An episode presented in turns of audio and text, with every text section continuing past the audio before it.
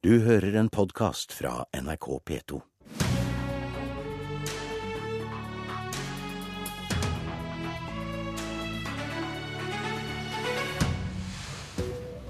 Støre må ikke få styre. Fremskrittspartiets Mazyar Keshvari mener det vil bli flere radikale muslimer i Norge hvis venstresiden kommer til makten igjen. Dette er jo det reineste sprøyt, svarer SVs Karin Andersen. Og det skal ha blitt observert en moralist i Politisk kvarter sitt studio på fredag. Keshvari og Andersen er snart klare til debatt. Men først denne moralisten. Velkommen Jenny Clemet von Tetzschner, leder i Oslo Unge Høyre. Takk. Hvem var moralisten du mente å høre på fredag? Det var eh, KrFs leder Knut Arild Hareide. Eh, på Politisk kvarter så sa han at han heller syns at folk skal gå på ski i marka, enn at man skal handle på søndager. Og det kan jeg godt være enig i, men jeg syns ikke man kan lage et eh, regelverk basert på de meningene. Det syns jeg blir moralistisk. Det handler om grenser for politikk? Ja. Politikerne behøver ikke å blande seg inn i hva folk velger å gjøre på søndager. Noen på høyresiden har håpet at KrFs ungdomsorganisasjon er varselet om en trygg borgerlig framtid for moderpartiet. Er du skuffet over at det er KrFU som sitter her for å slå deg i hodet med moralismen? Nei, det er jo ikke så veldig uventet. KrF er jo, KrFU er jo tuftet på bl.a. kristne verdier. Og jeg vet at de har lyst til å ivareta søndagen som en helligdag. Men jeg mener at tiden er inne for å ha et mer moderne regelverk. KrFU-leder Emil André Erstad, dette handler ikke om moralisme, men om frihet, skriver du på ytring. Mm. Og Det er fordi jeg mener det, jeg syns det blir litt useriøst å dra inn moralismemerkelappen på de som vil bevare søndagen som, som en fridag. Fordi det handler om frihet til å kunne få, få litt fri fra det kommersielle maset som vi har resten av uka. Og frihet til å oppleve det samfunnet som da er på hvilepuls en dag i uka. Det tror jeg veldig mange setter pris på. Men poenget her er vel det at individualismen som blir forfekta av høyresida her, og fellesskapet på den andre sida, her ikke har mulighet til å finne et kompromiss som begge kan leve med og få gjennomslag. Fordi enten så har vi en fridag på søndagene, eller så har vi det ikke. Og den, den argumentasjonen som høyresida sier her, at fridagen den må enhver finne, finne på sin egen, egen dag, det blir en litt annen fridag enn den fridagen vi nå ser på en søndag. Du hørte at du selv nå plasserte deg på andre siden av høyresida? Ja, det, på det er Altså, eh, KrF er et sentrumsparti, og som, eh, som sentrumsparti så har vi eh, ideologi som, som skiller seg fra høyresida, absolutt. Handler dette om hvem som eier frihetsbegrepet? Nei, det gjør ikke det. Det handler litt om hva vi legger i frihetsbegrepet. For Emil nevner frihet, og jeg er også veldig for frihet, hvis jeg kan si det sånn. Men for meg så har vi ikke ordentlig reell frihet før vi kan velge mellom ulike ting. Jeg mener at det er ikke frihet å bli tvunget til å ikke kunne handle på, på søndager. Det å handle det er noe vi alle andre dager i uken sier at det er lov å gjøre. Og jeg mener at politikerne kan ikke si at på søndager så skal vi ha en kollektiv hviledag. Jeg syns at regelverket vi har i dag, det er uoversiktlig. Vi har vi sier på den ene siden at det ikke er lov til å handle på søndager, men så har vi en rekke unntak. Og jeg har litt lyst til å spørre egentlig KrFU om det. for på den ene siden så sier dere da at vi skal ha en hviledag, men dere tillater da altså eh, unntak for butikker, matbutikker under 100 kvadratmeter osv. Og, er det én ting som ikke er veldig rolig og, og fredelig på, på en søndag, så er jo det å handle i en brustabu. Så jeg lurer på litt hva dere har lyst til å gjøre med de butikkene som allerede er åpne på søndager. Ønsker dere at de butikkene skal stenge, eller er dere for at noen butikker skal være åpne? Søndagsarbeid sånn som vi kjenner det i dag, er unntaket som bekrefter regelen. Og For min del og for veldig mange andre sin del så fungerer søndagen utmerka godt i dag til å få rekreasjon, hvile og, og fri fra det kommersielle maset som du får i resten av uka. Og et konservativt eh, fjellregel eh, som, eh, som, sier 'don't fix it if it ain't broken', bør, bør kanskje høyresida ta med seg i denne debatten. her, fordi det er ikke et samfunnsproblem vi, vi diskuterer her. Det er om, om, vi skal ha søndagsåpne butikker når du allerede har muligheten til å handle på en søndag. Men, men man tar bort frihet ved å fjerne et forbud. Du går ikke med på at det kan høres ut som et paradoks? Nei, fordi Det handler om her er at annerledesdagen søndag er ikke en, et enkeltmannsforetak. Eh, altså det, det, er et samfunnsanliggende. Enten så har vi fri fra butikkene på en søndag, eller så har vi det ikke. Eh, så hvis det blir søndagsåpne butikker Du trenger et så, så forbud for å ha frihet? Så vil det ramme alle de som, som mener at søndagen skal kunne være en, eh, en hviledag. En dag vi, som er litt annerledes enn alle de andre dagene. Og jeg, jeg, er ikke med på at det går an å komme med kompromiss her om at uh, søndagsåpne butikker, så kan alle velge sånn som de sjøl vil. Markedet vil påvirke uh, alle. Så, uh, og vi lever ikke i et vakuum, vi som ikke vil handle på søndagene. Så det vil selvfølgelig òg påvirke oss. Vi har jo allerede søndagsåpne butikker i dag, så det er jo allerede i dag fullt mulig å velge mellom om man vil gå og handle i en eh, liten, trang matbutikk, eller om man har lyst til å gå på skitur i marka. Og mitt poeng er egentlig at eh, hvis du har lyst til å gå på skitur i marka, så kan du helt fint gjøre det, selv om jeg går og handler i en butikk. Eh, jeg tror ikke jeg plager deg når jeg går i butikken på søndager, for det pleier jeg å gjøre. Og jeg tror ikke du plager meg når du går på skitur på søndager. Poenget er at det bør være opp til hver enkelt person og hver enkelt familie hva man har lyst til å bruke søndagen sin til. Men når du hører hvordan man argumenterer med dette individualisme opp mot fellesskap, føler du du snakker med et borgerlig parti, da, med borgerlige verdier? Ja, det er ikke helt uventet eh, at dette kommer fra KrF, og de prøver jo selvfølgelig å pakke inn argumentasjonen sin i andre argumenter. Men mitt eh, viktigste budskap det er at det skal være opp til hver enkelt familie, hver enkelt person å velge hva de skal gjøre på søndager. Og hvis eh, annerledesdagen til Emil dreier seg om at jeg skal ligge på sofaen og slappe av, så syns jeg han bør finne seg en annen annerledesdag. Eh, min annerledesdag er at eh, hvem som helst kan, eller hver enkelt person skal kunne gjøre hva de har lyst til å gjøre.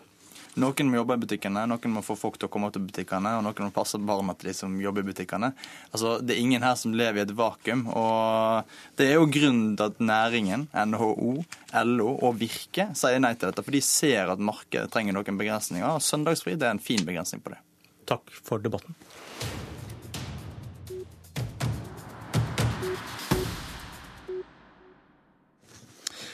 Er løsningen på terrortrusselen å begrense innvandringen?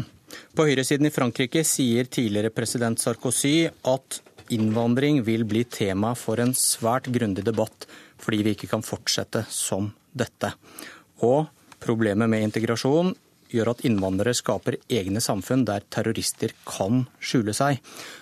Innvandringspolitisk talsmann i Fremskrittspartiet, Mazyar Keshvari, er det derfor du frykter konsekvensene hvis venstresiden får tilbake makten i Norge? Altså, Det er jo flere debatter her. Eh, først og fremst så frykter jeg at eh, hvis Arbeiderpartiet kommer til makten, så får vi en totalt prinsippløs leder ved makten, som har vært mye debatt om de siste dager. Eh, dernest så er det mange årsaker til den utviklingen vi ser i Europa i dag. Det er jo ikke slik at det over natten har blitt den situasjonen vi ser. Og innvandringen, Den massive innvandringen til Europa eh, er en av eh, årsakene. Det er ikke hele forklaringen, men det er en av årsakene til at det vokser en parallellsamfunn. Man har tatt imot langt flere enn det man eh, er i stand til å absorbere og integrere. Og som et resultat av det så ser vi utfordringer på en rekke områder.